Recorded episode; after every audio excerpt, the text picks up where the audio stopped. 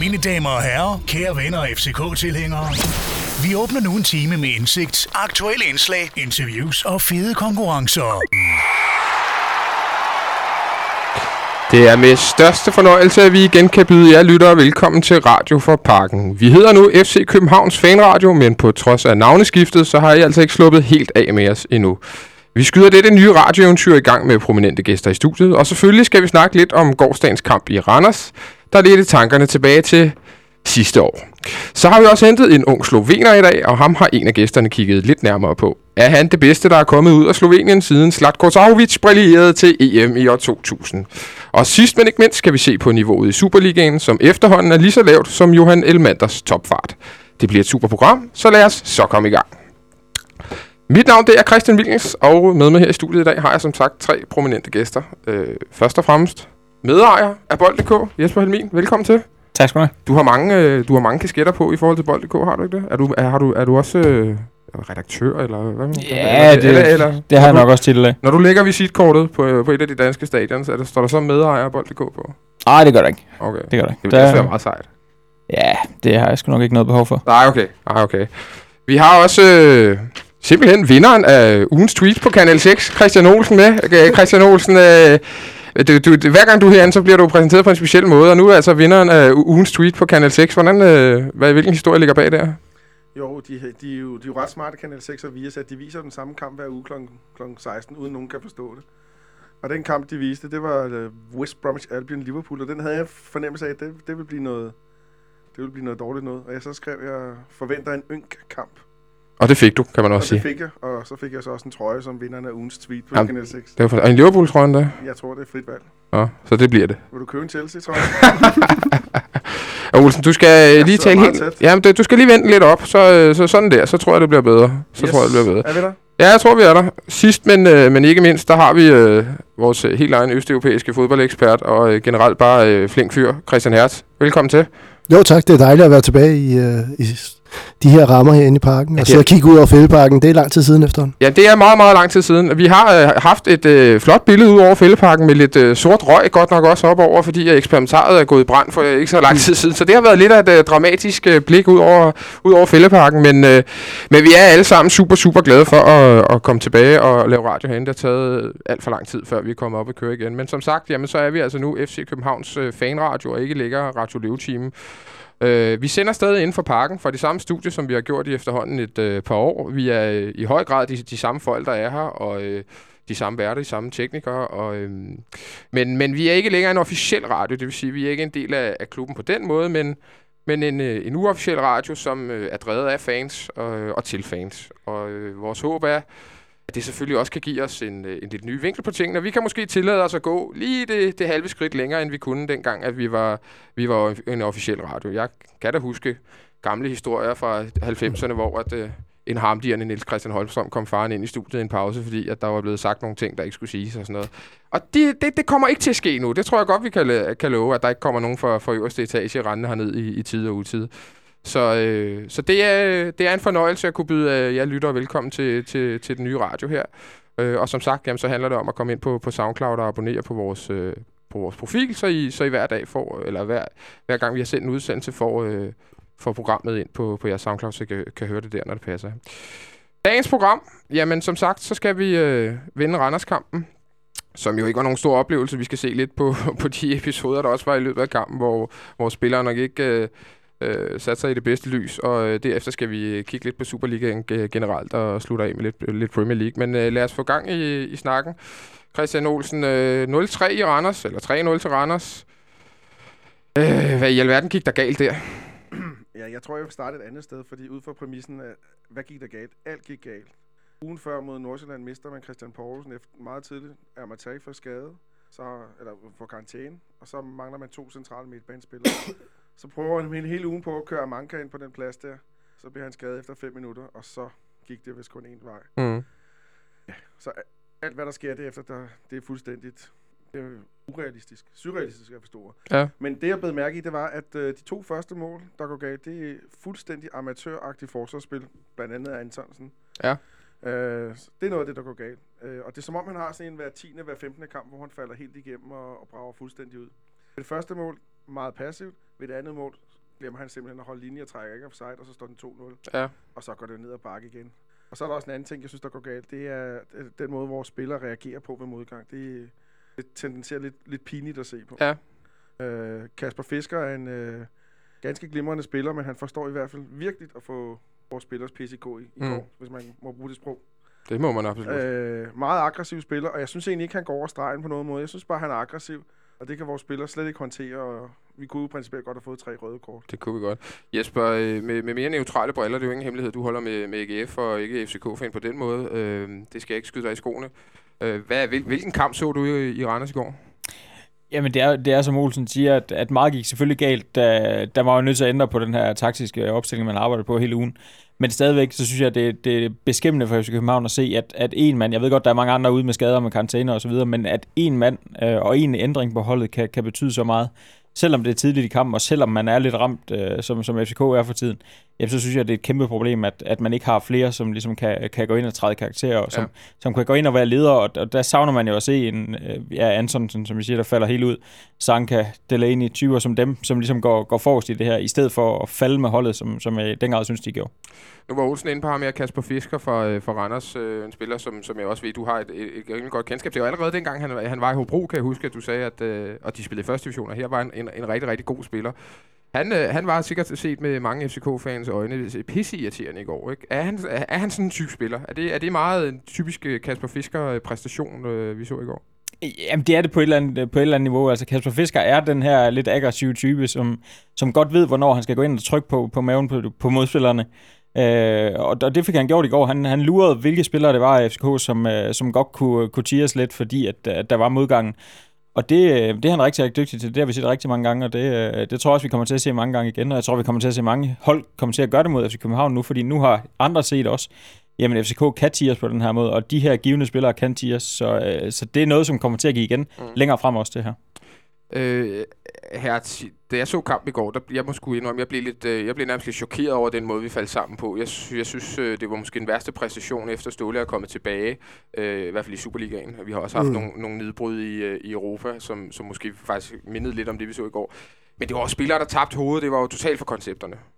Ja, men jeg er dog ikke helt enig med, at det hele det falder sammen, da mange var ud. Øh, Jeg synes, der går en halv time, før det falder sammen, fordi de første 20-25 minutter, der er der optræk til flere scoringer, og, og Randers er slet ikke i nærheden af at komme med en afslutning. Men det var som om, i de sidste kvarter, 20 minutter af første halvleg, der begynder Randers at overtage spillet, og det var, kom jo ikke som en overraskelse, at de scorede, fordi der havde de en, en, rigtig god periode.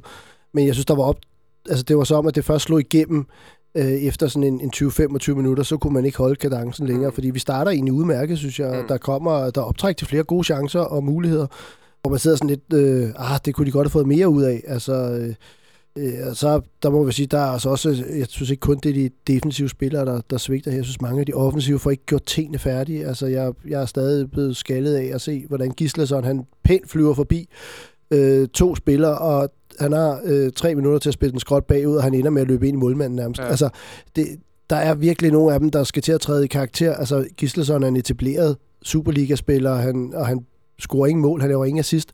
Øh, og, og der er det jo så, nu kan vi så ved, på et tidspunkt komme til at snakke om vores nye mand, som måske har nogle af de kvaliteter. Ikke? Altså, der er måske for få, der byder ind med mål og med assist, Mm. og, og det synes jeg skinnede igennem i, i, i går i langt hen ad vejen. At det så kollapser, øh, det gør det egentlig øh, lidt i første halvleg, men, og så kommer man bagud, men så kommer man ind i anden halvleg og har måske et, et vist tryk, men det er som om, at øh, da der bliver scoret til 2-0, altså der, der kunne man jo godt mærke, at det var 3-0, der var tættere på, selvom Niklas, øh, eller hvad hedder han, Nicolai Jørgensen har en stor chance, Mm. og de der røde kort kunne nemt være kommet. Sanka var frustreret, øh, men han bliver også, der er mange frispark, der bliver begået mod ham. Altså jeg synes, øh, han var et, et yndet offer, men øh, Nikolaj Jørgensen, det er jo ikke første gang, vi ser ham tabe hovedet på den måde, og den Brando Olsen laver, altså jeg kan, at han slår ud med armene, det er, det er vist øh, mere øh, en undskyldning frem for en, øh, en uforståenhed for, at han får det røde kort, for den er jo Jamen lad, os, lad os bare tage, de, tage udvisningerne, eller de manglende udvisninger, hvad man skal kalde dem. Det er jo ikke en hemmelighed, at DBU også i dag har, øh, har øh, tilkendegivet, at de kigger på de her to situationer med, med Nikolaj Jørgensen og med Mathias Sanker Jørgensen. Øh, og det er jo så lidt spørgsmålet, om dommerne har set med leg, for vi har jo de her øh, lidt øh, småmærkelige regler i, at øh, hvis dommeren har vurderet og haft et skøn, og, øh, og, og dømme noget i kampen, han har set, så, så kan man ikke gå ind og lave det om bagefter, uanset hvor, hvor, hvor voldsomt eller voldeligt det nu skulle være.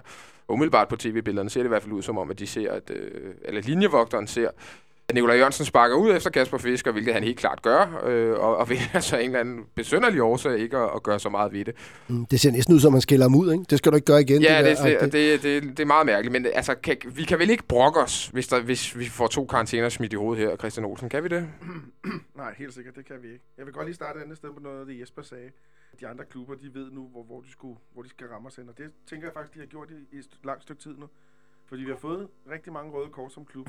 Og jeg kan da lige øh, sanke tidligere år mod Hobro, Cornelius mm. sidste år mod Midtjylland, Mm.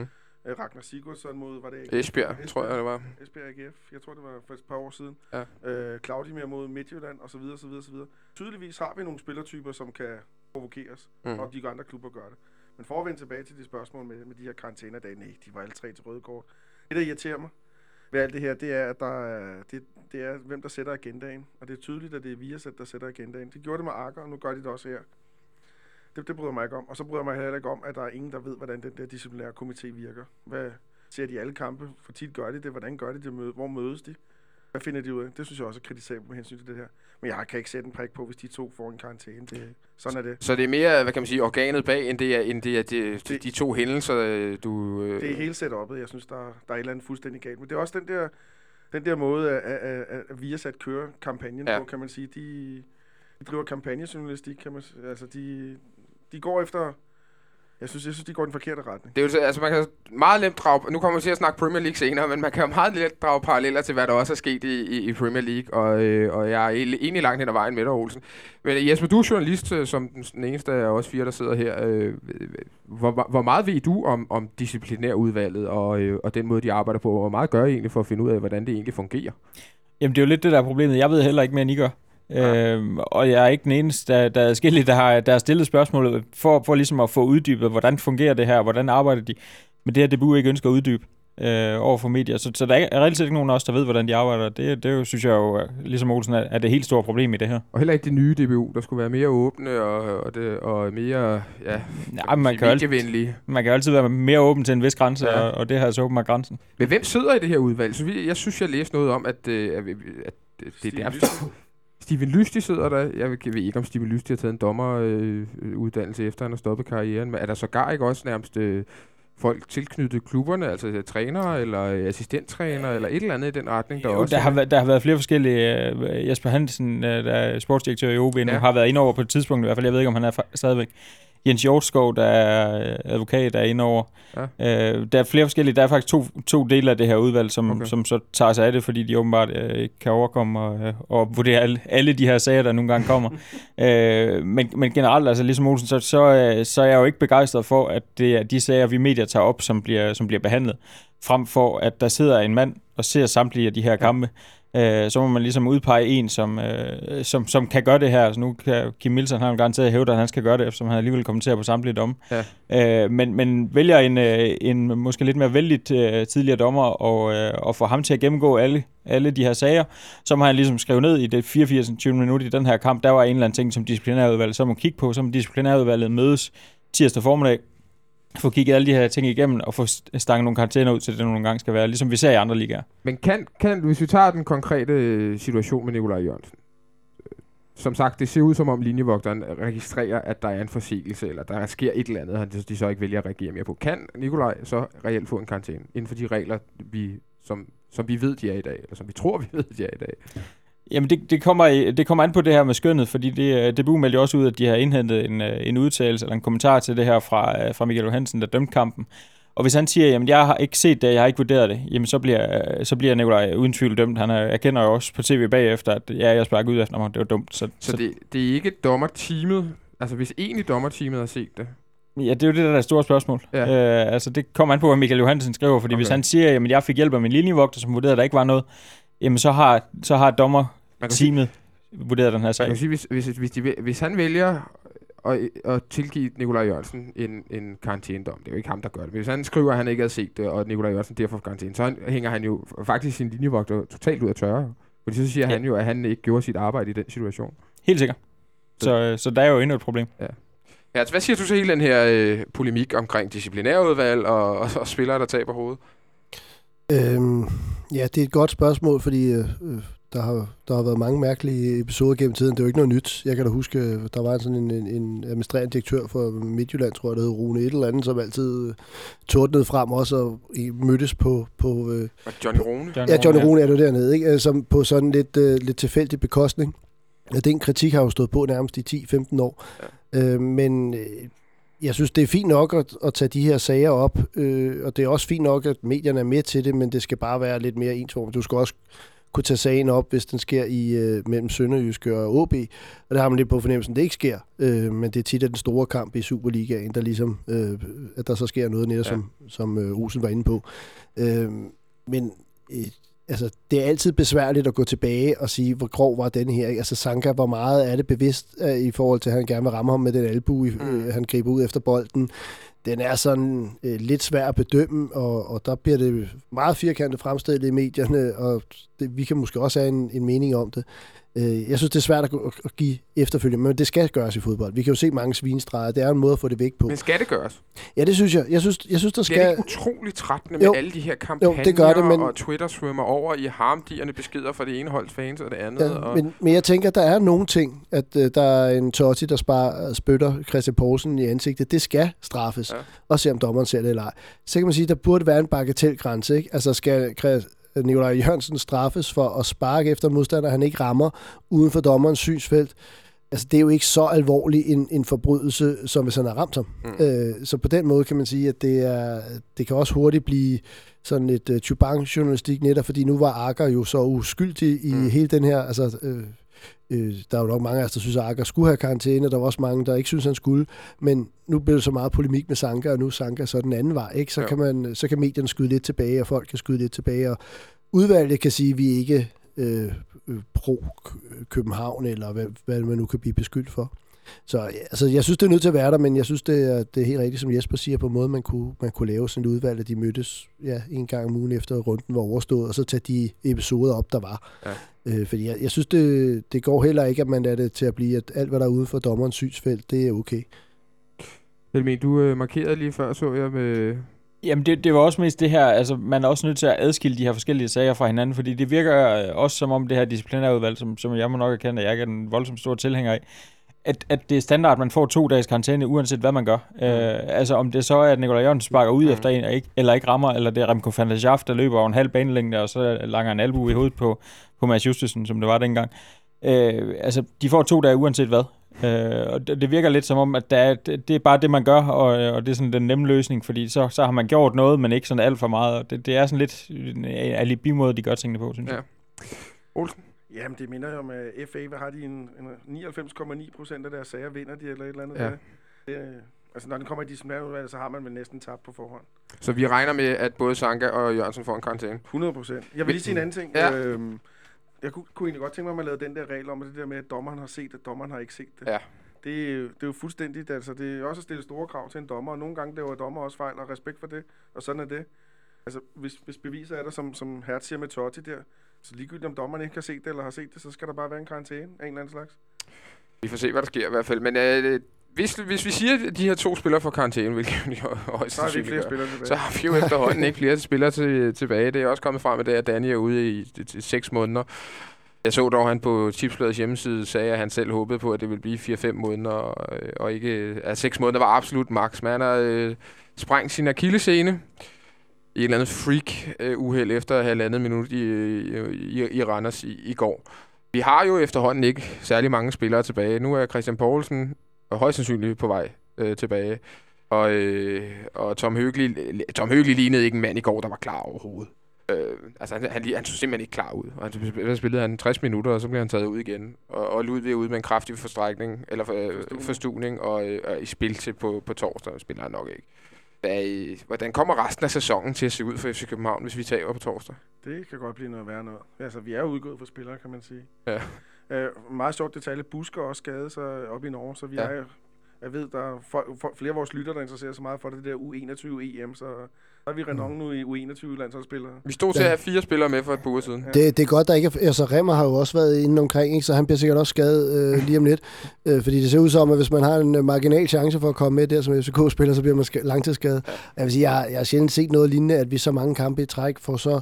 Altså, det er jo netop som flere af dem topper, og øh, ikke måske at Cornelius er toppet, men han var egentlig i udmærket form. Øh, og, og jeg synes at specielt uh, Tutu, han var i, i virkelig god form, ikke? Og nu, altså, der var, øh, som vi har et eller andet sted også satset, altså Ståle har satset meget på de her unge drenge, at skulle bygge det op også til næste år.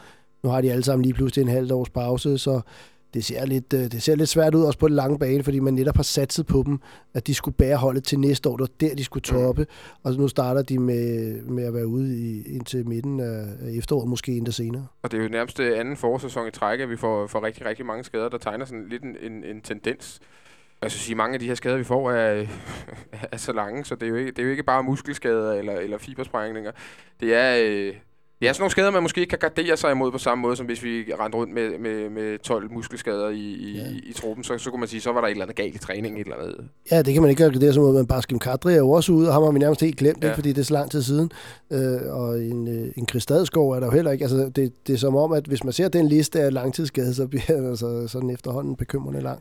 Jeg, jeg synes, problemet er, at de får nogle skader på nogle ufattelig uheldige tidspunkter, også i forhold til næste sæson og planlægning. Ja. De kommer i gang igen, hvad ved jeg, oktober, november og sådan nogle ting der. Det vil sige, hvordan, hvordan sætter man en trup sammen i forhold til næste år? Mm. Der er rigtig mange lønkroner bundet op på de der spillere, der er langtidsskadet. Så jeg, jeg forudser, en må blive lån eller sådan noget lignende. Er det sådan noget med Bjørn Chico Darsson, skriver vi med i, i et år til, eller et eller andet Jo, i den retning? Sådan noget lignende. Se, hvad der ellers gemmer sig i Wolverhampton eller sådan noget lignende. Ja. Jesper, øh, hvordan ser du på hele den situation? For Olsen har jo ret i, at der er rigtig, rigtig, rigtig mange lønkroner, der sidder og skader nu i et godt stykke tid, og spillere, som man tydeligvis tror på og har satset på, og, og som skulle toppe i, i næste sæson. Hva, hva, hvor efterlader det FC Københavns hold, når vi starter op igen øh, efter sommerferien?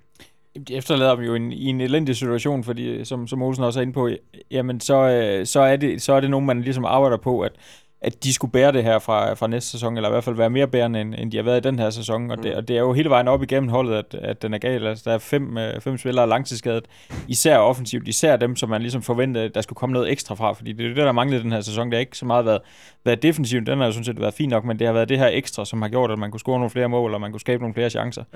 Øh, så, så på den måde, jamen, så er jeg enig i, at, at Ståle Solbakken og Johan Lange har en, en kæmpe opgave med at få sammensat en trup. Og der kan jeg sagtens se nogle, nogle halvårige lejeaftaler, eller hvad fanden I nu egentlig kan finde på, for, for at gøre det her, fordi altså selvom, selvom man kan sige, at jeg er måske tilbage om, om 4-5 måneder, jamen det er så i bedste fald øh, ja. sep- september eller noget af den stil, ikke?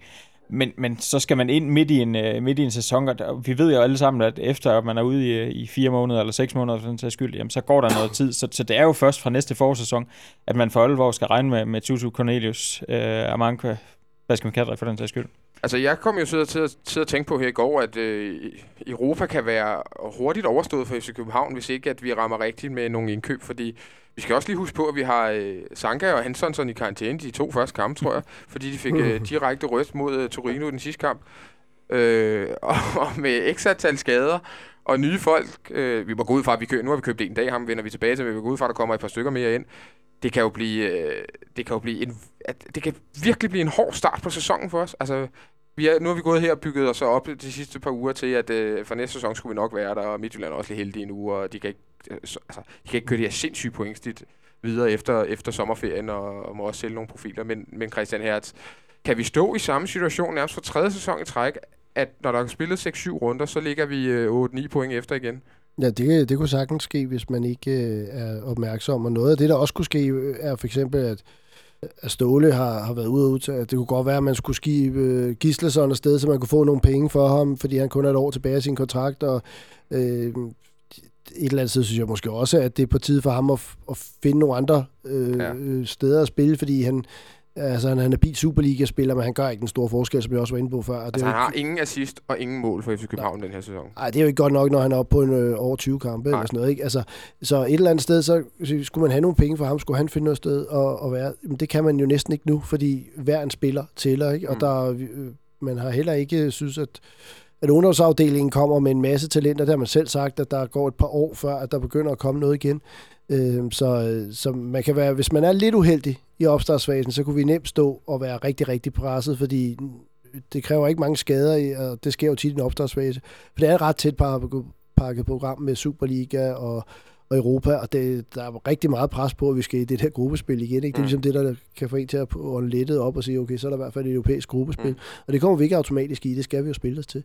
Øhm, så jeg vil sige, der venter en rigtig, rigtig spændende øh, øh, hvad hedder det, transfervindue.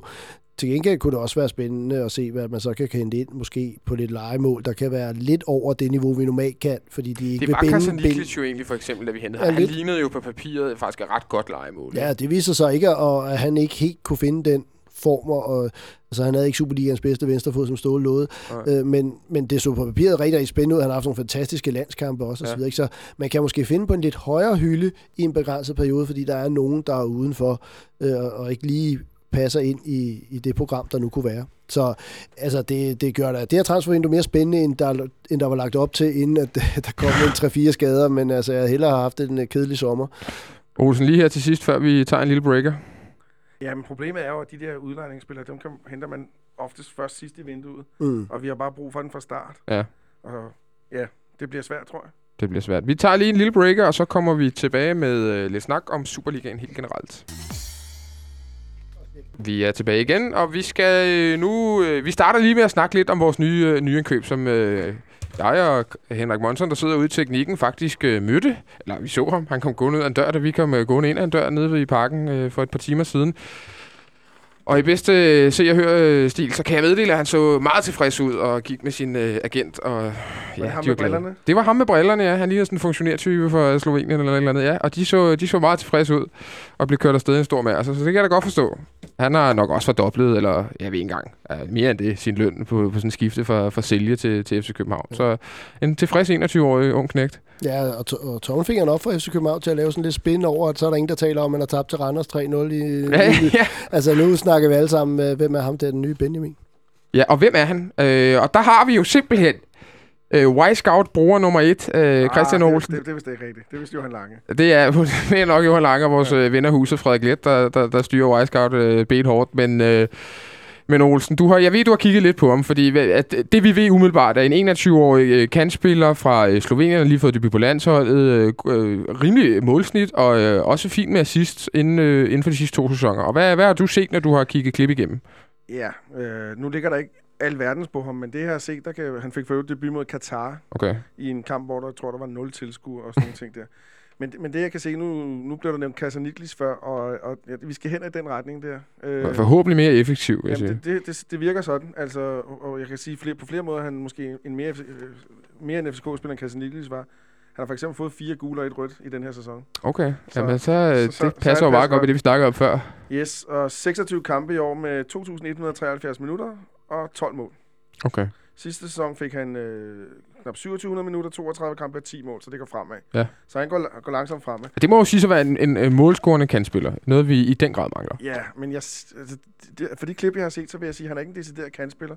For rigtig mange, øh, han, jeg tror også, han, bliver, han er blevet brugt som angriber. Han er også blevet brugt som angriber dernede.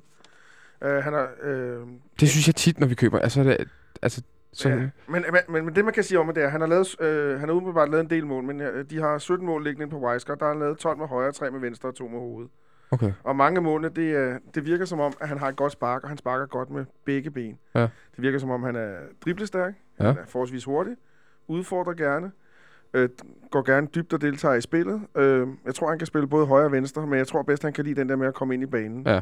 Og så tage et spark derfra. Ja. Øh, men som sagt, ser det rigtig godt ud med begge ben, faktisk. Han kalder sig ved selv for højre benet, men øh, jeg synes også, det så godt ud med venstre benet. Okay. Mm. Øh, spilglad, aggressiv. Øh, jeg synes, der er noget Casanitis over ham, og så okay. må man bare håbe, at det bliver bedre. Men Casanitis var jo helt ekstremt etbenet. Jeg har nærmest aldrig set mere etbenet spiller ja. i hele øh, mit liv. Jo, men jeg tænker mere med den der, med den der fart, og, ja. og, og, og, og til, at, til at gå dybt og sådan nogle ting. Han går også tit dybt. Ja. Øh, får lagt nogle bolde ned, som han, som han jagter og sådan nogle ting. Ja. Øh, forskellen på de to, det er, at øh, ham her, han er uprøvet. Han har spillet i den bedste slovenske række. Jeg er ikke helt ekspert på den bedste slovenske række. Jamen, der Jamen, har vi Christian Hertz. Der, der, har vi Christian Hertz. De, de havde et hold i Champions League i år. Det var, det var ganske flot. Ja. Men altså, nogle af stadierne, det, er jo, det får Lyndby til at ligne Maracanã eller sådan noget lignende. Men Men det er jo ikke det, vi skal gå efter. Nej, så så, det så, skulle vi jo bare blive ved med at hente i Danmark og i Det Sverige og Norge. Der er jo, altså, I forhold til, hvor god fodbolden er, så har vi Jeg- jo fantastiske stadioner i Skandinavien. det må man sige. Altså, men umiddelbart, så, så ser jeg ham som en... Han skal nok... Altså, nu snakker vi om, at vi skulle være klar fra start. Jeg tror nok, der vil være en lille tempoforskel på dansk Ja. og slovensk fodbold. Ved du det, Christian Hertz? Ja, det, det, vil der, det vil der uden tvivl. Øh, og jeg vil godt lige komme tilbage til Slovenien lige om lidt, men jeg synes, noget af det, jeg også har set, at de klip, der nu sådan florerer lidt rundt, det er faktisk, at han har en af de der øh, klassiske østeuropæiske dyder med, at han tager løbet hele vejen og med ind i boksen. Og der synes jeg, at flere af vores spillere har en tendens til, nu har de slået en fin aflevering øh, ud til kantspilleren, men så kommer de ikke med ind i boksen. Altså, Delaney kan godt, øh, altså det er han faktisk ret god til, men det, jeg synes, vores kantspillere er ret dårlige til det, og, og en gang imellem kan Nikolaj Jørgensen faktisk godt, og så går han, scorer han også øh, ofte, men nogle gange så stopper han også bare op. Altså det der med, at man tager løbet hele vejen, og rigtig mange af hans mål, det ud som, at de var lavet ved, at der var at spille skråt tilbage, han kommer øh, øh, piskende og sparker fra kanten af feltet. Så øh, han har en, øh, han virkede meget målsøgende, synes jeg, og det, det er måske noget af det, vi har brug for. En kantspiller, der rent faktisk lægger op til mål og målsøgende og vil score nogle mål. Og hans to øh, hovedstødsmål er lavet på samme måde. Ja. Med, med indlæg i feltet, hvor han kommer øh, ved bagerste. Ikke Cornelius-agtigt, men mere sådan... Ja. Bare den tilfældigt dummer ned, kan man sige. Som er hyggeligagtigt. Tom Høgh Præcis. øh, det, det, den her transfer, den har, jo, den har de jo arbejdet på et halvt års tid, det lyder som om, vi har været nede og se ham et, et, et, en del gange, Vi har jo da vidst det på. Rasker. Jamen, og Christian Olsen, nu vender jeg tilbage til dig igen nemlig, fordi for, øh, for et par uger siden, eller det er to uger siden, tror jeg, der øh, skriver du på din øh, Twitter, som jeg kun kan opfølge, øh, eller opfordre folk til at gå ind og følge selvfølgelig, at, øh, at Johan Lange og Daniel Rommedals navn var blevet øh, råbt op i Kastrup Lufthavn tidligere om morgenen. Ja, øh, Øh, du får selv lov til at fortælle Nå, resten men af historien. øh, jeg, fik, jeg læste bare, at øh, på, på en af de andre steder, vi bevæger os på rum og sådan nogle ting, Mm-hmm. at der var en, der havde stået ude i lufthavnen, og så havde han hørt Johan Lange og Daniel, Daniel Rommedal bedes venlig gå på, til flyveren til, til, til Wien. Den flyver om lidt, eller Til Wien. noget. Det er jo heller ikke så langt væk. Og det er ikke så langt væk fra den øh, slovenske grænse. Det er en små tre timer i bil til sælge, har vi efter... Vi, vi gør jo alt arbejdet for dig her, Jesper. Det kan godt høre, ikke? Altså, Ja, det, er jo, det er det, er jo fremragende jo- journalistisk arbejde, der bliver lavet. Men det undrede mig, det undrede os jo lidt, at de... Øh, at jeg ved ikke, nu er det jo ikke øh, Real Madrid, der skal ud og handle spillere, men det er da en... Bare bliv ved, Johan og Daniel Rommedal, bliv ved med Michels fly, så. Ja, men altså, det er fint, hvis de lige står, tager den ekstra kaffe i lavkagehuset ude i lufthavnen, så, det, så, så de bliver nødt til at blive kaldt ud til gaten, så vi får et lille så, hint. så alle er sikre på, at nu er de på vej til at kigge på en spiller. Ikke? Præcis. Øh, men jeg vil egentlig godt lige vende det der tilbage med Slovenien, fordi de havde ganske rigtigt hold i Champions League Maribor, som vi jo selv tabte 1-0 til øh, i overtiden, ja. lige op til sæsonstart, og har fået en masse point. Altså Slovenien fik flere point i år, øh, Danmark med gjorde. Ja, øh, og, og fik, øh, tror jeg, øh, 4,0 point, i, og vi fik 2,9 eller sådan noget, Mm. så de har klaret sig bedre. Øh, Men Sælge som klub er ikke en særlig stor klub. Altså, de er ikke vant til at ligge og få medaljer, og øh, de blev nummer 8, hvis nok sidste år, ligger nummer 3 lige nu. Og det er jo ikke mindst øh, takket være øh, vores kære Benjamin her, som har øh, scoret en masse mål og ligger oppe i toppen. Øh, så øh, udover klubben har været i nogle, i nogle øh, øh, hvad hedder sådan noget, Liga Cup-finaler, så er det ikke en særlig stor klub. Så det, at han markerer sig så stærkt, øh, er, er vel egentlig også ret flot, fordi man kunne sige, at øh, hvis det var for Majbo, så får man måske lidt nemmere betingelser. Ja. Men, men det har det ikke været. Altså, han, er en, han har været en profil, en meget stor profil i, i ligaen, og det synes jeg godt, man kan hæfte sig ved. Også selvom den slovenske liga er dårligere end den danske. De, øh, Mm. mm. Og det er jo så noget, vi også kommer til at diskutere Superligaen lidt senere. Hvem er bedst? Men øh, der er ingen tvivl om, at, at bundniveauet i Slovenien er jo selvfølgelig lavere end i Superligaen. Ja. Det, det er jeg Jeg, jeg fik et hint om, at vi havde skrevet med ham her i går aftes, øh, så sidder jeg og tjekker min Twitter, så er der en slovensk bruger, der har skrevet til mig, at vi, at vi vil få en fremragende spiller i Benny. Øh, og så stusser jeg over det her til, hvad snakker øh, gutten her om. Og læste så lidt videre, hvad han havde skrevet i, i nogle af sine, sine egne tweets, og havde så der, der breaket den sådan set, at en, en slovensk avis skrev, at, øh, at vi var i gang med at hente øh, øh, vores ven nede for, for Slovenien. Og han var meget begejstret for ham, siger, at han, øh, at han øh, var, at har været hans favoritspiller i den, øh, i den slovenske øh, liga i år, og, og, og et, en spiller, som, som var klar til at tage skridtet videre. Men øh, Jesper, øh, I har jo skrevet i dag, at han koster omkring 6 millioner kroner. Øh, De slovenske medier skrev øh, 9 millioner kroner, men, men øh, jeg kan forstå på dig, at du virker ret sikker på, at, øh, at, at, øh, at det, I skriver, det er det rigtige. Det er jo, det er jo så- også, kan man sige, det er meget godt, det er jo meget godt udgangspunkt for, Ja, det er en meget drive god et side. forudsætning her. Men ja, det er, det er det, jeg hører, at de har givet lige godt 6 millioner for. Okay, og hvad, umiddelbart, hvad siger du til, til, til den pris? Er det fair? Ja, det virker jo meget fornuftigt. Altså, ung fyr, lige, debut, lige fået debut på A-landsholdet.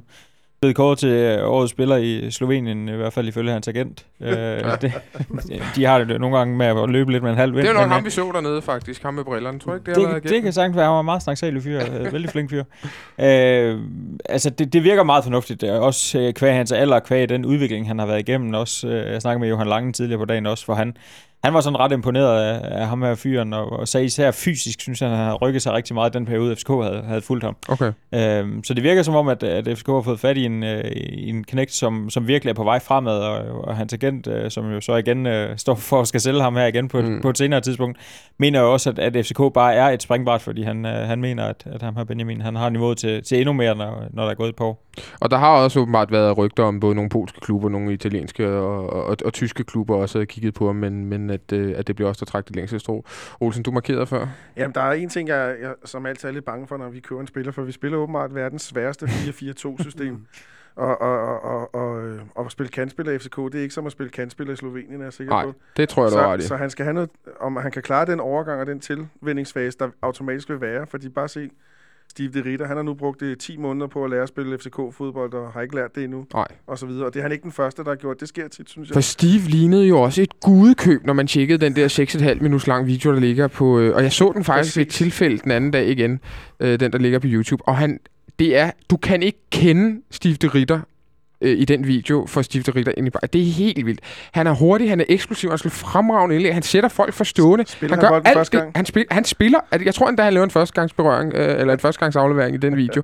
Han gør alt det, han ikke gør nu. Præcis. Så øh, vi skal også øh, passe på med ikke at, sådan, at sætte barn for højt op for, for slovenske Benjamin. Der er, her. ikke, for der er ikke nogen tvivl om, at en, en kantspiller i FCK skal også arbejde tilbage i banen, og, ja. og, og det ved jeg ikke, om man kan. Mm. Det- Ja, der, der tror jeg faktisk, han kommer for noget 4-3-3, for jeg synes, noget af det, man så, der lå han tit meget langt oppe på, på banen og havde rimelig stor frihed. Så jeg kunne forestille mig at spille nogle lidt andre, altså det er ikke en klassisk 4-4-2, øh, med, hvor det hvis han er spiller for et bund, kæderne. eller hvis han Altså, spiller for et hold, som normalt er et bundhold, som ikke er en store hold, så må han vel også være vant til at skulle arbejde en del tilbage i banen, tænker ja, men de er ligger nummer 3 i den her sæson, så de har Der jo er haft noget... tror jeg. Ja, det så, var. så de har jo Spiller noget, næste uge eller sådan noget. Ja. Ja, så de har jo noget, noget medvind i år, ikke, som ikke mindst skyldes sig. Men jeg synes, i, i forhold til så Østeuropæer, er det jo lidt langt imellem, de slår igennem i Superligaen, øh, hvilket egentlig er lidt underligt, fordi rent sådan, øh, i resten af Europa kan de tit godt. Mm. Øh, så der er jo noget, øh, der ikke sådan helt har fungeret, men man kan sige, at Slovenien, de er, er, er nok tættere på Østrig og sådan noget, som, som folk, end de er måske på, på resten af Balkan. Så, så på det punkt tror jeg måske ikke, han bliver så svær at integrere, som nogle gange kan have været tilfældet. Ikke? Han taler glimrende engelsk. Han taler glimrende engelsk, så vi på, på videoen. Har, har vi ikke haft en slovener i Lønby for, for et par år siden? Ellers, så hvad, hvad har, der, har der været nogle slovener i dansk fodbold? Kan vi, kan vi umiddelbart lige hive en slovener op af hatten? Jeg kan heller ikke huske ham i Lyngby. Jeg tror, du tænker på ham, Fanol, som var halvt tysk og halvt... være. Jeg øh, synes bare, der var en, der hed andet- tror jeg, ikke? Jeg synes, der var en, der men hed- alle kan jo slovener, men det er den eneste, jeg lige Jeg synes, der var en eller anden, der hed Mino, et eller andet, også med M til, sådan Mihajic, eller sådan et eller andet, der fik et par kampe, og sikkert et rødt kort, eller sådan noget. Men det, det, det, den, øh, den, øh, den finder vi ud af. Den, den, den, øh, den smider vi på vores Twitter øh, senere, hvis vi, vi finder, at der har været en, øh, en slovener i Superligaen øh, øh, en dag. Jeg kan se allerede, at øh, Brokke sidder ude i teknikken og, og, og leder, så, så den får I efter en breaker på et eller andet tidspunkt. Men ellers så kan man jo sige, at vi hentede Fernando Ardi i Slovakiet, som jo er øh, et langt spyt for, for Slovenien, øh, og det gik ikke så godt. Øh, I FCK-fankredse har der været bekymring for, at vi vil gå tilbage til, ja, også efter Musis eventyr, virkelig køre safe, men nu bare kigge i nærområderne i Skandinavien osv. Er det her måske et tegn, Christian Herres, på, at, at vi stadig kigger rundt omkring i verden? At vi ikke. Ja. lader os skræmme alt for meget af det, vi har... Det, det synes jeg Det helt gjort. klart. Altså, at man rent faktisk kigger i, i øh, stort set alle de ligaer, hvor man godt ved, man er lidt større. Øh, så, så der er ingen tvivl om, at, vi, at man kigger øh, stadig bredt. Og det, det, jeg måske noterer mig med tilfredshed, er også, at han er ret ung. Øh, det vil sige, at man fortsætter det her med, at man skal have en masse unge spillere, som har fremtid foran sig. Og det er måske nyt i forhold til øh, FC København, at, at vi ikke længere køber de her etablerede spillere, som, øh, som er på toppen, eller måske har været på toppen, og så ellers skal køre den hjem derfra. Men at der er, øh, altså vores offensiv, øh, med inklusive alle de skadede Ja. spillere, er jo... En, Ekstremt ung. Ja, det er den ikke. Øh, Som, øh, som, der mangler måske faktisk en, en gammel rev til at ligge deroppe og lære øh, dem alle sammen lidt. Men det er meget, meget ungt, og der, han er jo helt tydeligt en spiller af fremtiden foran, så man må håbe, han kan glide ind og, og fortsætte med nogle af de her dyder, som, som vi har manglet lidt. Nu fik jeg lige en, øh, et, øh, ja, en, en lille papir her ind ad døren, der er nærmest øh, Mitja Mørik Fem kampe for Lønby. Der er bada bing, der er... Og der vil jeg... Der, Superligaen? I, I kommer bare med rosen, vil jeg sige. Ja, i Superligaen. I Superligaen. Der er godt det er, herovre, det er det godt er hævet frem, vil jeg sige. Det er ikke for ingenting, man har tabt en øh, fraktionsquiz-finale, vil jeg nok sige. Vi tager lige en, øh, en hurtig breaker til, og så øh, kommer vi som lovet tilbage med en, øh, en lille snak om Superligaens generelle niveau, eller øh, mangel på samme. Her før vi skal til at snakke om øh, Superligaens generelle niveau, så øh, Jesper, I, I driver altså et, et, et, øh, et medie, som er gennemarbejdet og ned til mindste detalje. I har simpelthen haft 12 nyheder om øh, Mitja Mørik øh, fra, fra Lønby i de fem kampe, han fik. Ja, det er jeg meget stolt af, og også endnu mere stolt af, at jeg absolut ikke kan huske ham. Men, øh, Hvordan i alverden får man 12 ny- nyheder ud af ham? Jamen det, det synes jeg også er imponerende. Det må jeg hjem og kigge lidt på, hvordan, hvordan vi har formået. det synes jeg, det synes jeg skulle have godt gået. Vi glæder os til at få en masse nyheder på Bold.dk og flere andre steder, og, og når, øh, vores øh, nye, øh, når vores nye ven Benjamin Verdic, som øh, jeg tror hans efternavn skal udtales. Der er allerede fire i dag eller sådan noget, ikke? Der er eller, ja, I har været godt i gang i dag, det må jeg sige. Ja, ja, vi har haft travlt. Ja, det var super. Det var øh, fint at læse lidt, både fra, øh, fra Johan Lange, tror jeg, og fra, øh, ja, fra agenten, som, som skulle sælge ham lidt videre allerede fra første dag. Det, det, er altid, det er altid skønt, når man køber en ny spiller. Det første agenten snakker om, det er, at det er bare et springbræt. Han skal videre lige om lidt. Altså, det, det, det er en lille smule sådan ambivalent, ikke? Ej, man kunne også forestille sig lidt respekt for den klub, han var kommet til. Ja, ikke? det- det er jo men, sikkert. øh, men det er jo fair nok, at en 21-årig spiller, ja. han, han ikke ser FC København som sin endelige destination i virkeligheden. Det ville nok være lidt sørgeligt, faktisk. Men øh, især sådan, som vi måske spiller i øjeblikket. Og Det jeg kan være, han har sagt det efter Randers-kampen. Ja, jeg vil sige, der, det må være ærgerligt at skrive under og sidde og se sådan en kamp. Øh, øh, præmieeksemplet med det er jo, hvis vi lige skal gå en trip down memory lane, det er, da vi køber Magne Hoset og øh, er det Tobias Linderoth dagen før, at vi taber 5-0 til Gorica i parken. Slovensk hold. Slovensk hold, jo. Det, Ja. der, øh, det- før ligger næst sidst, tror jeg, i ligaen. Ikke? Så, Jo, jo ja, den skal vi ikke mere ind på. Superligaen. Nu har jeg teaset for det et par gange. Øh, jeg synes jo, ja, grunden til, at vi skal snakke om det her i dag, det er, fordi jeg har siddet derhjemme og har saleret over det sidste stykke tid, hvor mange virkelig, virkelig dårlige kampe, jeg synes, der er. Altså, det er virkelig sjældent, man ser en rigtig, rigtig god Superliga-kamp, øh, hvor niveauet er godt, og to hold, der, øh, der kan noget. Og hvis det, endelig, hvis det endelig er underholdende, så er det fordi, at øh, ja, holdene ikke kan forsvare. Altså, det, det, det, det, det er ikke fordi, niveauet er, er specielt højt. Jesper, du har set Superliga-fodbold rigtig mange år. Øh, Du har øh, set, du ser i det hele taget rigtig, rigtig mange kampe. Også, øh, også live på stadion, siger med, at øh, ja, det er jo dit job jo. Ja. Ja. Hvad er dit øh, indtryk af niveauet i Superligaen? Måske Det- i forhold til de sidste, sidste par år? Jamen, det er nok, at mit job er knap så sjovt, som det var for nogle år siden. øh, jamen, jeg, jeg er helt enig. Jeg synes, niveauet er, er dalet i Superligaen rent spillemæssigt, og jeg synes, mange klubber dækker sig ind under, at øh, især i den her tid, at det er fordi, der er dårlige baner, og så kan vi ikke spille god fodbold. Øh, det har ikke noget med dårlige baner at gøre, det er noget med dårlige spillere at gøre. Ja. Øh, og, og det synes jeg i høj grad, at vi lider under. Vi lider under spillere, som, øh, som teknisk ikke har det niveau, vi har set tidligere. Vi lider under spillere, der fysisk, synes jeg, ikke er der, hvor de skal være i, øh, i lige så høj grad som tidligere. Så vi ser ikke ikke hold, der kan holde til at presse højt øh, igennem længere perioder, og det, det er noget af det, som, som ofte i hvert fald kunne være med til at skabe mange mål, hvis hold presser højt, og man samtidig kan, kan formå at udnytte øh, modstandernes fejl. Det synes jeg ikke, vi ser i samme grad som, som tidligere. Så, så generelt, jamen, så er jeg helt enig i, så, er- så er niveauet faldet, og, og det er ikke kun fordi, at, at der kom dårlige hold op. Det er lige så meget fordi, de hold, som, øh, som var i toppen tidligere, de, de er faldet gevaldigt i niveau, Ja. ja. FCK inklusiv. Øh, Jeg tror, vi undgår for meget at gå ind i hele øh, 16 hold, 10 hold, 12 holds diskussionen, fordi den, den, den kan næsten tage et program øh, i, i sig selv, og det kunne sagtens komme på et tidspunkt, for diskussionen er rigtig, rigtig spændende. Men, men øh, herrets niveauet generelt, øh, da jeg skrev det her i dag, at vi skulle snakke om det, så fik jeg også øh, et, et, øh, et spørgsmål, om det ikke var for, bare var fordi, at vi i FC København var dårlige i øjeblikket, at vi synes, at niveauet var lavere, men, men, er- men er det bare derfor? Nej, jeg tror, man skal skelne mellem to ting. Om det er kedeligt, og om selve niveauet er faldet. Fordi øh, en af årsagerne til, at det ikke er så sjovt at se Superliga-fodbold, er også, at der ikke bliver skudt nogen mål. Ja. Og det behøves ikke at være et kvalitetsstyk, men det kan være, at måden, man griber det an på, øh, taktisk og så videre, at der ikke rigtig bliver åbnet, og man, man øh, tør ikke så meget og så videre. Øh, så det kan også godt være en kedelig liga med rent faktisk en høj kvalitet. Øh, jeg tror, vi ramt lidt af begge dele. At Mm. kvaliteten er faldet, men også, at der heller ikke bliver givet meget. Altså, den her runde blev der scoret en del mål, men ellers har der været rigtig mange runder, hvor der ikke blev scoret særlig mange mål. Og jeg tror, vi skulle helt hen til næsten sidst i efteråret, hvor Brøndby vinder det, desværre 5-0 over var det Vestjylland. Øh, det var første gang, der overhovedet blev scoret mere end fire mål i en Superliga-kamp. Altså, der gik utrolig mange kampe, hvor der ikke blev scoret særlig mange mål. Så øh, den er kedelig, fordi der ikke bliver åbnet for sluserne. Vi er en af de ligaer i hele Europa, der har allerfærst mål per kamp, og man kan også se, at øh, bortset fra Midtjylland, så er der næsten ingen, der, altså, der scoret halvandet mål i snit. Det har vi vel, og så resten har scoret kun et i, i snit. Ikke? Så den er kedelig, og samtidig så har der også været, synes jeg, et niveau øh, dyk. Altså, der er virkelig en del spillere, hvor man tænker, ah, skal den virkelig ryge over sidelinjen og så videre, ikke? Altså, hvor der er nogle af de der ting, hvor indlæggene bare ikke ligger i panden på angriberne. Men hvorfor, hvorfor er det, vi er der? Fordi kritikken, øh, hvis du kigger et par år tilbage, der var, der var altid meget snak om, vi har for mange udlændinge i den danske liga, og de trak niveauet ned, og man kunne lige så godt spille med nogle unge danske lænder. Der er vel færre udlændinge i, i ligaen nu, end der har været i rigtig, rigtig mange år. Ja. Er, er, det, er, det simpelthen det, er det simpelthen fordi, vi, der er for mange middelmodige danske spillere nu? Ja, så synes jeg måske, der er en lidt konservativ indkøbspolitik på den måde. Der er ikke så mange, der har taget nogle chancer. Jeg synes, i Sverige, der virker det som, der hele tiden popper nye, interessante navne op, fordi der bliver fundet nogle spillere, hist og pis, så man tager tage en chance med og siger, okay, den her spiller, som kun har spillet i en kenianske liga, vi prøver ham alligevel. Der har man lidt på fornemmelsen, at han skal være igennem øh, et, et par klubber, inden man tør tage chancen i Superligaen, og så er det tit for sent. Mm. Olsen? Jamen, jeg, jeg, jeg tænker, det er et andet sted. Jeg tror, det er meget simpelt. Jeg tror, det er pengene. Altså, der er færre penge nu, end der var for et par år siden. Øh, et, et godt eksempel, det er, hvis man ser, sammenligner OB's hold nu med det, de havde for 4-5 år siden. Utaka, Jemba mm. Jemba, øh, og hvad de nu hed. Nu har de Mikkel Dessler. Han er faktisk en rigtig god spiller. Ja, udmærket. Øh, Thomas Mikkelsen hentet i Vejle. Øh, han spiller så heller ikke mere, og, sådan noget, og så videre, og så videre. Øh, et OB-hold, som stort set er renset for, for udenlandske spillere. De har Lukas Balvis, og så en, en ung svensker.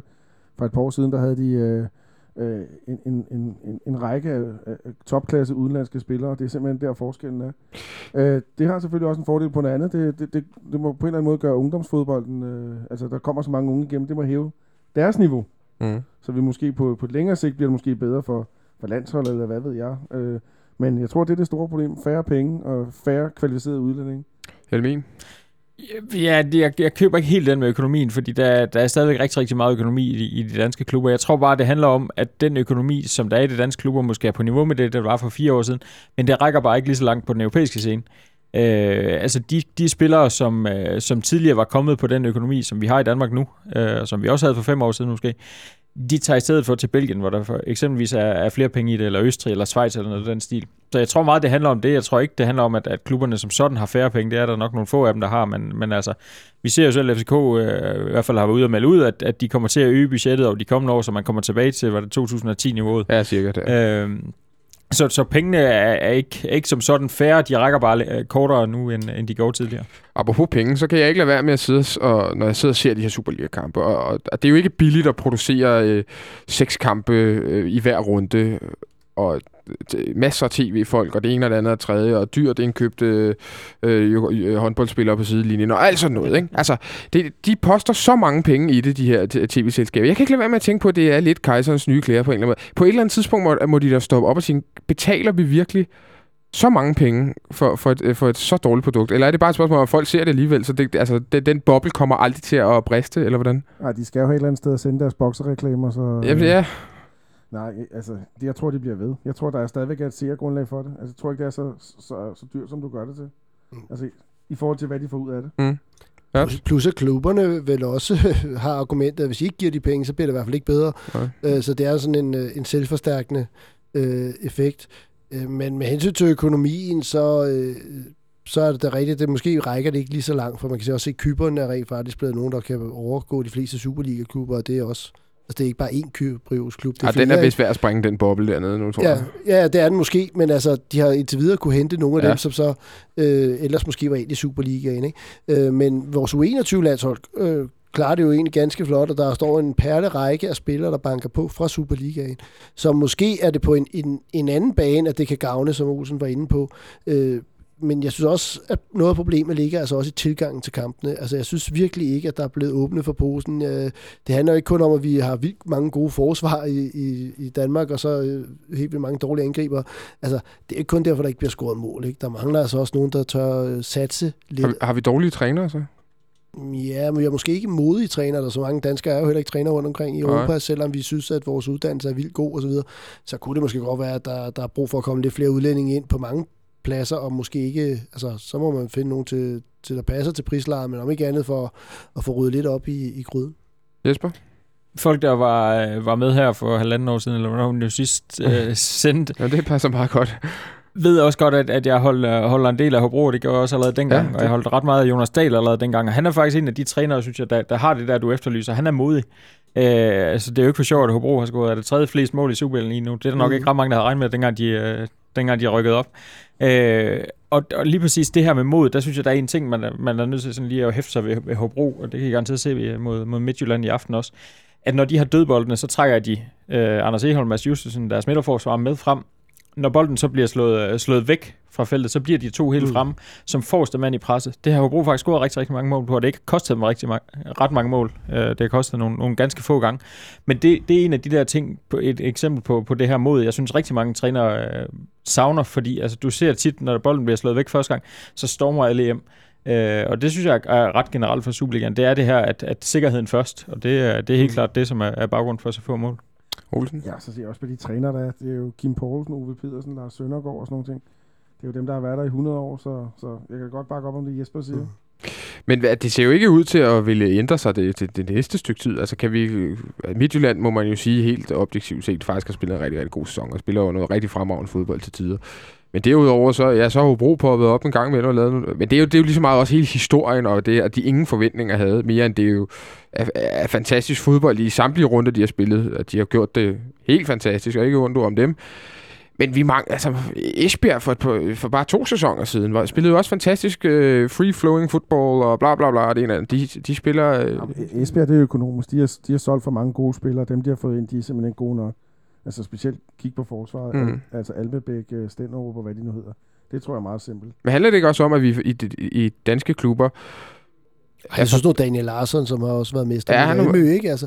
Men, men altså, altså rekrutteringen... Esbjerg har, har jo stort set været tæt på at gå konkurs flere gange, og ja. nu, har de, nu har de fået opbygget noget, der ligner en rigtig sund økonomi, og, og det har taget et langt stræk for dem. Og, og det må man kun tage hatten af for respekt, og, og det der tilbud, de får for Eddie Gomes, selvfølgelig skal de sælge ja. det. Det mm. vil alle, der have gjort. Ja. Ja. Jeg undrer, mig, undrer mig så bare, at deres reserve, øh, eller deres første mand på deres liste, det er Almebæk. Der havde jeg lidt, ja. lidt tillid til, at de kunne scoute bedre. Jamen, jeg, jeg læste en artikel her den anden dag, at, at der, er, der er fire klubber i, i, øh, i Superligaen, der har scouts ansat. Det er mm. FC København, det er Brøndby, det er FC Nordsjælland, og det er FC Midtjylland. Og det, er jo, det synes jeg er jo alarmerende for dansk fodbold, at man har fire klubber, hvor man har øh, scouts tilknyttet. For ellers så, handler det, så er det udelukkende agenter og netværk osv. Og, så videre, så videre. og der kan være tusinder forskellige dagsordner, og det ene og det andet og tredje. Er det ikke også der noget forklaring ligger? Men simpelthen, man er, man er for dårlig til at drive en, mm. en øh, ikke en sportslig forretning på den måde, men man er simpelthen for dårlig til at drive fodboldhold. Helmin? Jo, men det, det er det uden tvivl. Du kan se, at, at, at mange af de spillere, som kommer op på første division, eksempelvis hvis vi, hvis vi bare kigger på at scout i vores egen baghave, jamen så er, der, så er der rigtig, rigtig mange, der har store problemer med at se de store talenter, der løber ja. rundt dernede. Der er Emil Berggren, som kom til Hobro, var et, et godt eksempel videre til, til udlandet efter et halvt år. Kasper Fisker. Kasper Fisker, Jonas Namli, som, øh, som ja. gjorde det fremragende i AB og rykket til Herrenfen. Eddie Gomes. Uh, Eddie Gomes, som, øh, som i, ja, i mange år var, var ret god i anden division faktisk, og så endelig tog springet til første division. Og så Quincy er jo samme historie, bare et par år tidligere. Ikke? Altså Quincy Antipas spillede også i Blokhus, så røg han til øh, hvad, hvad, HB Køge? Eller, ja. og så, og så, altså han kunne sagtens have taget det skridt til Superligaen tidligere. Det kunne han helt sikkert, og det er også det der eksempel på, hvad, hvad tør man gør. Ja. Øh, og som du selv nævner, så kommer der rigtig mange spændende navne i, i, i Sverige altid. Mm. Men de har også en historik med at hente især brasilianer og sådan noget, og det har de haft succes med i ekstremt mange år, så det virker bare som om, at, at de har lidt mere mod, og vi så, var det IFK, der hentede to unge kenianer, ja. eller, eller hvor det nu var fra i, i januar også. Det virker som om, at, at de har en eller, anden, øh, en eller anden lyst til at, til at prøve at satse lidt mere, til at rykke sig lidt ud fra, fra, fra det her lidt kedelige.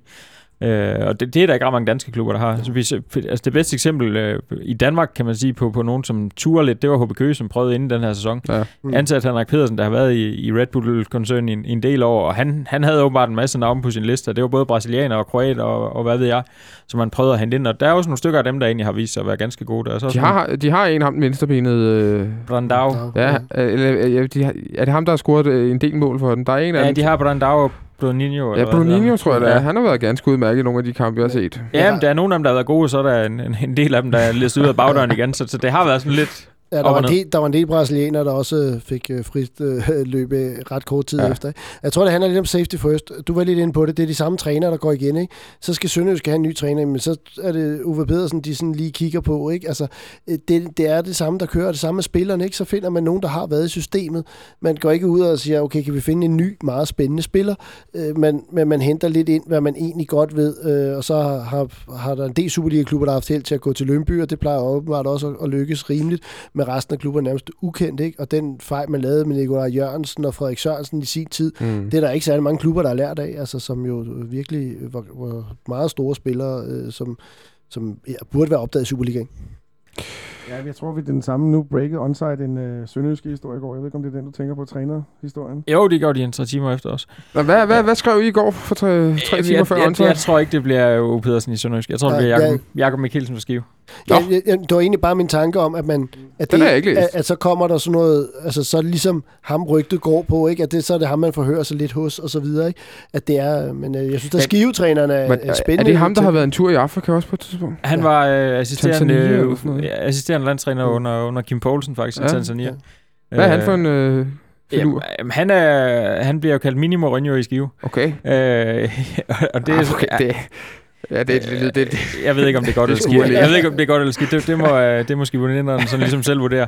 Øh, han formår at få, at få rigtig, rigtig meget ud af lidt op i skive. Det gjorde han også, da han var i Hobro og i Skovbakken for den sags skyld. Øh, inden der var han kvindetræner, der ved jeg ikke noget om. øh, jo, jeg ved, at han er lige blevet gift med en af sine tidligere spillere, så, så der har han også fundet ud af. Men, øh, men, men i skive har han i hvert fald fået meget ud af lidt, og det, det er jo også det, de jagter i Sønderjyske. Plus, at, øh, at der er ingen tvivl om, som, øh, som her så siger, jamen, så kigger man først safety, Johnny Mølby, hvad kan han? O. Pedersen, hvad kan han? Jamen, så, så er det egentlig befriende, at man, man trods alt tør at kigge Ja. lidt ud over det. Og det bliver ham, og kigge siger sådan en. Det er et godt bud i hvert fald. Hvad skal, hvad skal Ove Pedersen, og skal han til, for en gang skyld prøve at komme til en anden Bundesliga-klub, han altid snakker om, men som aldrig rigtig lykkes? Han vil gerne, men jeg, jeg, jeg må erkende, jeg tror, hans alder og hans manglende erfaring med sådan noget er, er i den grad imod ham. Okay. Det, hvis jeg lige skulle skrive noget sønderjyske, så har de også været modige, ikke? Fordi Ole Nielsen, han har faktisk altid været god til at hente nogen, der var lidt uden for den her boldgade, vi, vi taler om. Ikke? Han har været, altså ham der, Silas Garvi, er jo også befriende og, og uprøvet spiller, men et eller andet sted hente, som ikke har været igennem det her filter, og, og i Viborg, hvor han er nu, så tør han også. Altså, Mm. han, øh, så, så han har ture, og måske efterladt en kultur i Sønderjyske om, at man godt må prøve noget, der ikke er, er helt øh, afprøvet.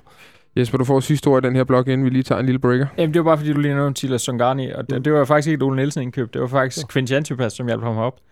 Okay. Øh, så, øh, så, så det er ikke, den skal Ole Nielsen ikke helt have æren for i hvert fald. Og den, får, Han, men han skrev vel kontrakt med ham, kan Han have kontrakt med ham, trods alt. Trods alt. den giver vi til Quincy og Ole Nielsen i, i fin forening, og så tager vi lige en lille breaker, og tilbage med lidt Premier League-snak til at slutte programmet af på. Efter denne lille småliderlige breaker, så er vi øh, tilbage med det sidste blok her i øh, den første udgave af FC Københavns Fanradio. Og det er jo, det er jo helt legendarisk faktisk. I skal jo følge meget bagad, det er jer, der er blevet inviteret ind til den første udgave. Det det er godt klar over, ikke? Yes. Jo, jeg kan også mærke det. Ja, jeg kan godt mærke, at identitetsniveau, øj, vi er helt op under loftet lige nu. Det sidste, vi skal snakke om i dag, er øh, Premier League. Øh, Jeg har skrevet to underpunkter. Det ene hedder... Nej, jeg har faktisk skrevet tre. Det ene hedder, hvad skal ske i Liverpool? Den er lidt øh, til dig, Christian Olsen. Er Chelsea virkelig så kedelig? Den er lidt til dig, Jesper øh, Helmin. Og øh, hvem rykker ned? Den er til QPR-fanen øh, Christian Hertz. Og jeg synes, vi kan lade starte øh, fra bunden af, så at sige. Så Hertz, det bliver, det bliver dig. Hvem, øh, hvem rykker ned i Premier League? Jamen, jeg tror ikke, at QPR øh, overlever. Øh, og i hele taget, så synes jeg faktisk, det har været ret interessant at se, at lige pludselig var det Burnley, der lå over, og nu er det dem, der ligger nederst. Ja. Øh, jeg synes, det er ret åbent. Og jeg, altså, et eller andet sted håber jeg på Sunderland, jeg ved ikke hvorfor. Men ja, og så Damien Døj klarer skærne, for han har jo også scoret et par mål. Jeg synes lige nu, der virker hold måske, som, altså, fordi de lige netop har, har vundet, men det Crystal Palace har været et ret godt hold, ikke? og det er ret flot sejr. Øh, så jeg vil sige, øh, jeg tror, at de, dem, der ligger til nedrykning nu, de får faktisk svært ved at, at komme op og klare den, for Leicester er også begyndt at vinde de her kampe. Ja, det er nemlig. De er ved at komme i form, ikke? Så, øh, og Aston Villa tror jeg simpelthen ikke på at rykker ned. Øh, Der er for meget kvalitet, så øh, jeg, jeg, jeg tror, at øh, det bliver de tre, der ligger under stregen nu. Det er lidt kedeligt bud, men, øh, øh, men Sunderland er jo så stor en klub, så det er jo også lidt modbud måske i virkeligheden, fordi de ligger vel ikke lige for, at de skulle have rykket ned, øh, selvom de tabte 8-0 på et tidspunkt. Og vi må lige knytte en kommentar til vores gamle ven af huset, Darm Endøje. Øh, Ja, hvad har han lavet nu? 6-7 mål for den? 5 mål? Og øh, altså, holdet havde ikke scoret et mål, for, eller en angriber havde ikke scoret et mål for hold i, øh, jeg ved ikke hvor mange måneder, før han blev købt her i, i vinterpausen. Han gør det fremragende. Nu så jeg lige målene i, i, i dag, og det andet mål, han laver. Typisk Det er fantastisk. Altså, det er super øh, angribermål, ikke? Og virkelig sådan noget, vi godt kunne bruge herinde i øjeblikket. Men han viste jo faktisk også, det jeres angriber kan. Altså han brændte to kæmpe Han chancer. brænder også. Ja. Ja. Det, det, det, det, det behøver vi ikke med. Men Nej. ja, det gjorde han faktisk. Ja, I, i, i første han er halvleg. så godt det opdraget. Han er godt også. Men han er jo blevet en stor succes derovre, og de er meget glade for ham. Det kan man jo godt forstå. Øh, Jeg så ham også spille mod Chelsea for ikke så mange øh, uger siden, hvor han i første halvleg, øh, der der kunne Cahill og Terry nærmest ikke styre ham. Så det var, det var, det var sgu lidt sjovt at se. Det er fedt nok at se. Man kan jo spørge sig selv, hvorfor han først er kommet nu. Det, Ja. ja. det er sådan lidt underligt. Altså. Men han får chancen på onsdag for at lave flere mål. Der er udsat kamp mod Liverpool. Og ja, lad os så tage Liverpool her øh, med, med det samme. Olsen, øh, jeg kan huske... Øh, jeg tror faktisk, vi har snakket Liverpool sidste gang, du var herinde også for efterhånden lang tid siden. ja. Og der, øh, der, der, gik det, der gik det i hvert fald opad på, på øh, dengang, eller i hvert fald på det tidspunkt. Hvordan ser du Liverpools øh, situation lige nu? Ja, jeg synes, øh, der er mange ting i den. Altså, der er mange ting i den. Øh, jeg, jeg ved jo, din yndlingsmand, Brandon Rodgers, han sagde det meget godt i efter lørdagens 0-0-kamp, at de har spillet en fantastisk kamp. Ja, og character. Noget med Cha- character. Character og sådan nogle ting. Men jeg, jeg tror egentlig, at det, der skete sidste år, det var, det var, det var ikke Liverpools niveau. Det, måden, de spiller på i år, det er Liverpools niveau. Øh, det, og der er blevet taget 54 mål, Premier League-mål ud af holdet. Øh, man har spillet holdet hele sæsonen stort set uden en rigtig angriber. Det, det, det kan man godt se. Men hvad er det med ham, Rodgers? Er han lidt en charlatan, der, der levede på Suarez øh, mål sidste år, eller er der noget ved ham? Nej, men altså, det er jo svært at sige, fordi han, kunne jo lige pludselig, han kan jo lige pludselig få nogle serier igennem. De, altså, de har jo kun tabt tre kampe i, øh, i, i kal- kalenderåret. Ja. Men, men der, hvor jeg synes, det fejler, det er, det er omkring øh, øh, spillerindkøbene. Det er lidt ligesom øh, i parken, kan man sige, der er, eller herinde i, i FCK. Ja. Der, der er ikke rigtig nogen af dem, der slår igennem sådan en stort set, kan man sige. Emre Can har gjort det godt i år. Så bruger man 20 millioner pund på Lovren, det har set skidt ud. Man bruger 25 på Lallana. Han har været skadet hele året. Så bruger man 16 millioner pund på Balotelli. Det gider jeg næsten ikke engang snakke om. øh, og, og så videre, så videre, så videre. Og, og, og, og hvis, man, hvis man kigger på Rodgers liste af indkøb, så er der kun to, der sådan rigtig ringer. Og det er Coutinho og Storage. Ja. Resten, det, det er ikke noget. Nu mister man så rigtig mange øh, kampe og rigtig mange lønkroner, så jeg håber, der kan ske et eller andet der. Men i bund og grund, så er holdet ikke til mere end, end det, det ligger og spiller. To, øh, to semifinaler i, i kopperne og en 5., 6., 7. plads. Det, det, det er det niveau, vi er. Så der skal rammes rigtigt på nogle indkøb til sommer, hvis det skal blive øh, Champions League-fodbold, øh, eller det, der er bedre næste år. Ja, det skal der også, fordi dem, man konkurrerer mod, du har United som, og Arsenal, som begge to genererer mange penge af sig selv, og så har du Chelsea og City, som, som har en god historik med nogle oliepenge og så. Så, så man, som, man, det er lidt op ad bakke, kan man sige. At de har, Liverpool har bare ikke lige så mange penge som de andre. Og slet ikke, når man rammer forkert på så mange spillere, så går det først galt. Ja. Det var lidt en sædvanlig sang for Christian Olsen. Øh, Jesper, den ryger jo så over til dig. Øh, Chelsea ligger til at vinde mesterskabet, må man sige. De, de mangler at være fem point i de sidste fem kampe, eller noget i den retning. Ja. Så, øh, så, øh, så øh, i mesterskabet tilbage på Stamford Bridge. De har fået meget kritik her de sidste stykke tid med at være kedelige, og bussen bliver parkeret og stiller op øh, på Emirates uden angriber. Øh, I hvert fald, hvis man læser den ud for, for sådan en opstilling af de spillere, der var med.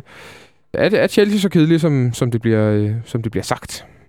Det kommer an på, hvad man, hvad man vurderer kedeligt ud fra. Altså er det kedeligt, at, øh, at man spiller øh, mere kynisk fodbold, jamen så har Chelsea spillet kedeligt i, øh, i hvert fald i 2015.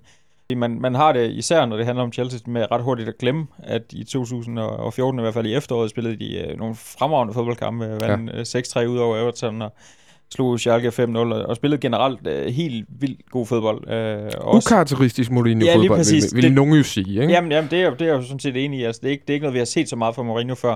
Men han var også ude at sige dengang, at, at det var et, et helt andet hold, end han har haft før. Og det var, det var nogle andre spillere, nogle andre typer. Han kunne nogle andre ting med de her spillere. Øhm, 2015, der, der er det så som om, at, at det her, at han har kørt med det samme hold hele sæsonen, det har slået, øh, slået sådan lidt tilbage mod ham. Ja. Fordi Chelsea er jo, er jo det hold af topholdene, der har klart flere spillere, som, som har spillet øh, stort set alle minutter. Altså Ja. ja. Terry Ivanovic eksempelvis har spillet samtlige minutter i Premier League. Øh, Fabregas er, er gået i stå i hvert fald i forhold til det niveau, vi så i, i de første måske 20 runder af Premier League. Øh, Diego Costa løb ind i de samme skader, som han løb ind i foråret sidste år. Øh, og og så, så falder det også lidt tilbage på, at Chelsea trup er ikke så bred, som, øh, som mange gerne vil gøre den til. Altså, vi ser jo tit, at, at yngre spillere sidder på bænken også. De kommer jo aldrig ind, men de, de sidder der trods alt. Men det er den jo også, fordi de har udlejet 70 spillere. Jo, jo, det har jeg, men det er jo fordi, der skal, skal genereres penge til at købe nogle nye. ja. øh, og, det, og det, er jo en, øh, det er jo en herlig strategi, som, øh, som vi alle sammen holder rigtig, rigtig meget af. Øh, men, men altså, tilbage til de spørgsmål omkring uh, Chelsea spiller kedeligt, det synes jeg ikke. Øh, for mig, der handler fodbold mest af alt om, at man får de resultater, man gerne vil have. Og det øh, gør Chelsea i den grad. Og det er jo med yberpragmatikeren ud over alle, Jose Mourinho i spidsen, og det, det kommer nok ikke til at ændre sig lige nu. Olsen, du markerer? Jamen, jeg vil godt sige, der er jo, der er jo bredt sig sådan en øh, ting i dansk fodbold om, at alt skal være tiki-taka og 14 afleveringer og dit og dat. Øh, nej. Fodbold handler egentlig om at vinde, og jeg synes ikke, Chelsea spiller, spiller kedeligt, fordi man kan spille fodbold på mange forskellige måder. Ja. Altså, og, og, og Mourinho spiller meget pragmatisk, som du siger, og han går efter sejren, og dem får han. Christian Herst, du er også intermand, og jeg ved, du har et, øh, et kærligt forhold til Mourinho, efter mm. han øh, hævde Champions League-trofæet, og jeg ved ikke, hvor mange mesterskaber og trofæer til, til Inter. Øh, hvilken, på hvilken måde ser du den kritik, der er af, at, at når man har så godt et hold, i hvert fald på papiret, med så mange offensive spillere, og og en hel masse penge bag sig også. Skal man, er man så nærmest forpligtet til at underholde mere, end, end de har gjort, i hvert fald i 2015, Chelsea? Nej, det synes jeg ikke, fordi det svarer lidt til, at øh, vi kommer foran 2-0 i, i Randers med en gravgård og lidt af hvert, og så kører vi autopilot hjem i anden halvleg. Altså, og på samme måde har de også gjort lidt med den her sæson. Øh, set udefra, så skulle, øh, så skulle det mesterskab i hus, og det har man gjort på den måde. Øh, altså, der er jo ingen... Øh, det ville jo være en katastrofe, hvis han ikke fik det, det mesterskab. Ikke? Og det, han ved jo godt, at når man går et år tilbage, så husker man, at Mourinho han fik endnu et mesterskab til mm. Chelsea, og så, øh, og så få mål har de altså heller ikke scoret. De har scoret to i snittet eller sådan noget. Ikke? Altså, det er jo så, så kedeligt. De har scoret tre flere end Arsenal. Ja, og der, altså, der, og der kan man jo øh, se øh, i, i det lys, at vi jo scorer herinde i parken. oh, det kan vi ikke sammenligne med noget. Nu nej, skal nej, vi ikke men, blive når man så i scoringsgennemsnit, så er det da vel mere underholdende at se et hold, der scorer to mål ja. øh, end halvanden hver gang. Ikke? Og hvis man ser City, som jo har scoret masser af mål, men så har de også en, en død periode, hvor de lige pludselig ikke scoret nogen mål. Øh, så nej, jeg synes Mourinho, han, øh, han viser igen, at han er en fremragende træner, og han scorede ført mange, eller øh, Real Madrid scorede tit fem mål under ham, så det er ikke, fordi han ikke kan give, mm. give plads til det. Han spiller bare meget direkte, og der, øh, ja, der, der har man så bare øh, haft nogle andre spillere her. Jeg, jeg synes, ja, Chelsea er nogle gange lidt kedelige at se på, og jeg, nu så jeg anden heller Arsenal øh, Chelsea, fordi Brøndby kom foran. Øh, så, øh, øh, så der endte jeg jo med at sidde og se, og det var ikke fordi, jeg, jeg sidder og synes, at det er en fantastisk underholdende kamp, ikke? men det er jo stadig på et ekstremt højt niveau, og det kan man jo også glæde sig over. Mm. Lige her til aller, aller sidst, inden vi runder af for, for første udgave af FCK Fan Radio, øh, så øh, synes jeg lige, vi skal snakke om næste sæson i Premier League, for det ser jo altså ud som om, at, øh, at Chelsea hiver den hjem. Men næste sæson, kan jo, det siger godt, det siger man altid på det her tidspunkt af sæsonen, at næste sæson, ej, det kan blive vildt, fordi man går ud og regner med, at samtlige hold rammer rigtigt på deres transfer, så bare bliver forstærket helt vildt til året efter. Men næste år i Premier League, det kan se rimelig giftigt ud. United virker som om, nu tabte de godt nok de sidste to, men det virker som om, de er på vej tilbage, og Van nogenlunde er ved at forstyrre på det hold. Arsenal har været rigtig gode i 2015, øh, som de altid er, når mesterskabet er lidt ude for rækkevidde. Øh, Liverpool skal også, øh, skal også lidt frem. Øh, City, der må også ske et eller andet der. Sidder Pellegrini der. Der, der skal i hvert fald hælde nogle spillere ud og hælde nogle spillere ind, og måske også en træner. Og Chelsea øh, bliver vel næppe svækket over sommeren i hvert fald. Det, det kan da blive en utrolig hæftig Premier League næste år, Christian Olsen. Jeg tror, det bliver det samme som i år. Tror du det? Ja, fire eller Chelsea, der, der kører afsted. Men tror du ikke, det kan blive tættere? Tror du ikke, at mesterskabskampen kan blive, øh, kan blive tættere, end, øh, end må sige så har været i år? Altså, nej, ja, jo, måske. Altså, men, men for eksempel sådan et hold som City, øh, jeg tør slet ikke slet tænke på, hvad de skal igennem. Altså beholder de Pellegrini. De har Premier League's, er det klart, ældste trup, ja. som jeg ved. Uh, Yaya Toure, han ligner ikke en, der gider at spille der mere. De, de kommer til at leve meget af Sergio Aguero. De har problemer med FFP'en. Kan de, hvordan kommer de til at klare sig ud af det? De har slet ikke det setup, som de har i Chelsea for eksempel. Arsenal skal de til at bruge penge. De har jo pengene nu. De har jo pengene, og de skal nok også til at bruge dem. De er også de to-tre spillere for overhovedet være i nærheden af Chelsea. Manchester United, ja, de skal også bruge mange penge. Herres, hvad siger, øh, ganske kort, hvad siger du om, om næste sæson i Premier League? Jamen, kan det ikke blive øh, meget tæt? Nej, altså jeg tror Olsen lidt at det bliver lidt den samme øh, trumrum. Det kan godt være, at pointene bliver lidt tættere mellem holdene, men jeg tror ikke, det bliver en helt stor udskiftning. Det kan være, at City rører en enkelt plads ned. Jesper, er du fortrøstningsfuld også for næste sæson med, med blå briller på? Ja, absolut. Absolut. Øh, Olsen er selv inde på det her med, at City har den ældste trup. Jeg, jeg tror, de får en mellemsæson næste sæson. Okay. Øh, fordi der skal skifte så meget ud. De ved ikke med manageren, og generelt jamen, så skal der bare mange nye spillere ind på det hold. Og det tror jeg ikke, altså man skifter ikke så meget ud på et hold, som, som i hvert fald jeg vurderer, at der er behov for i City, og så samtidig er med i, i mesterskabskampen næste sæson.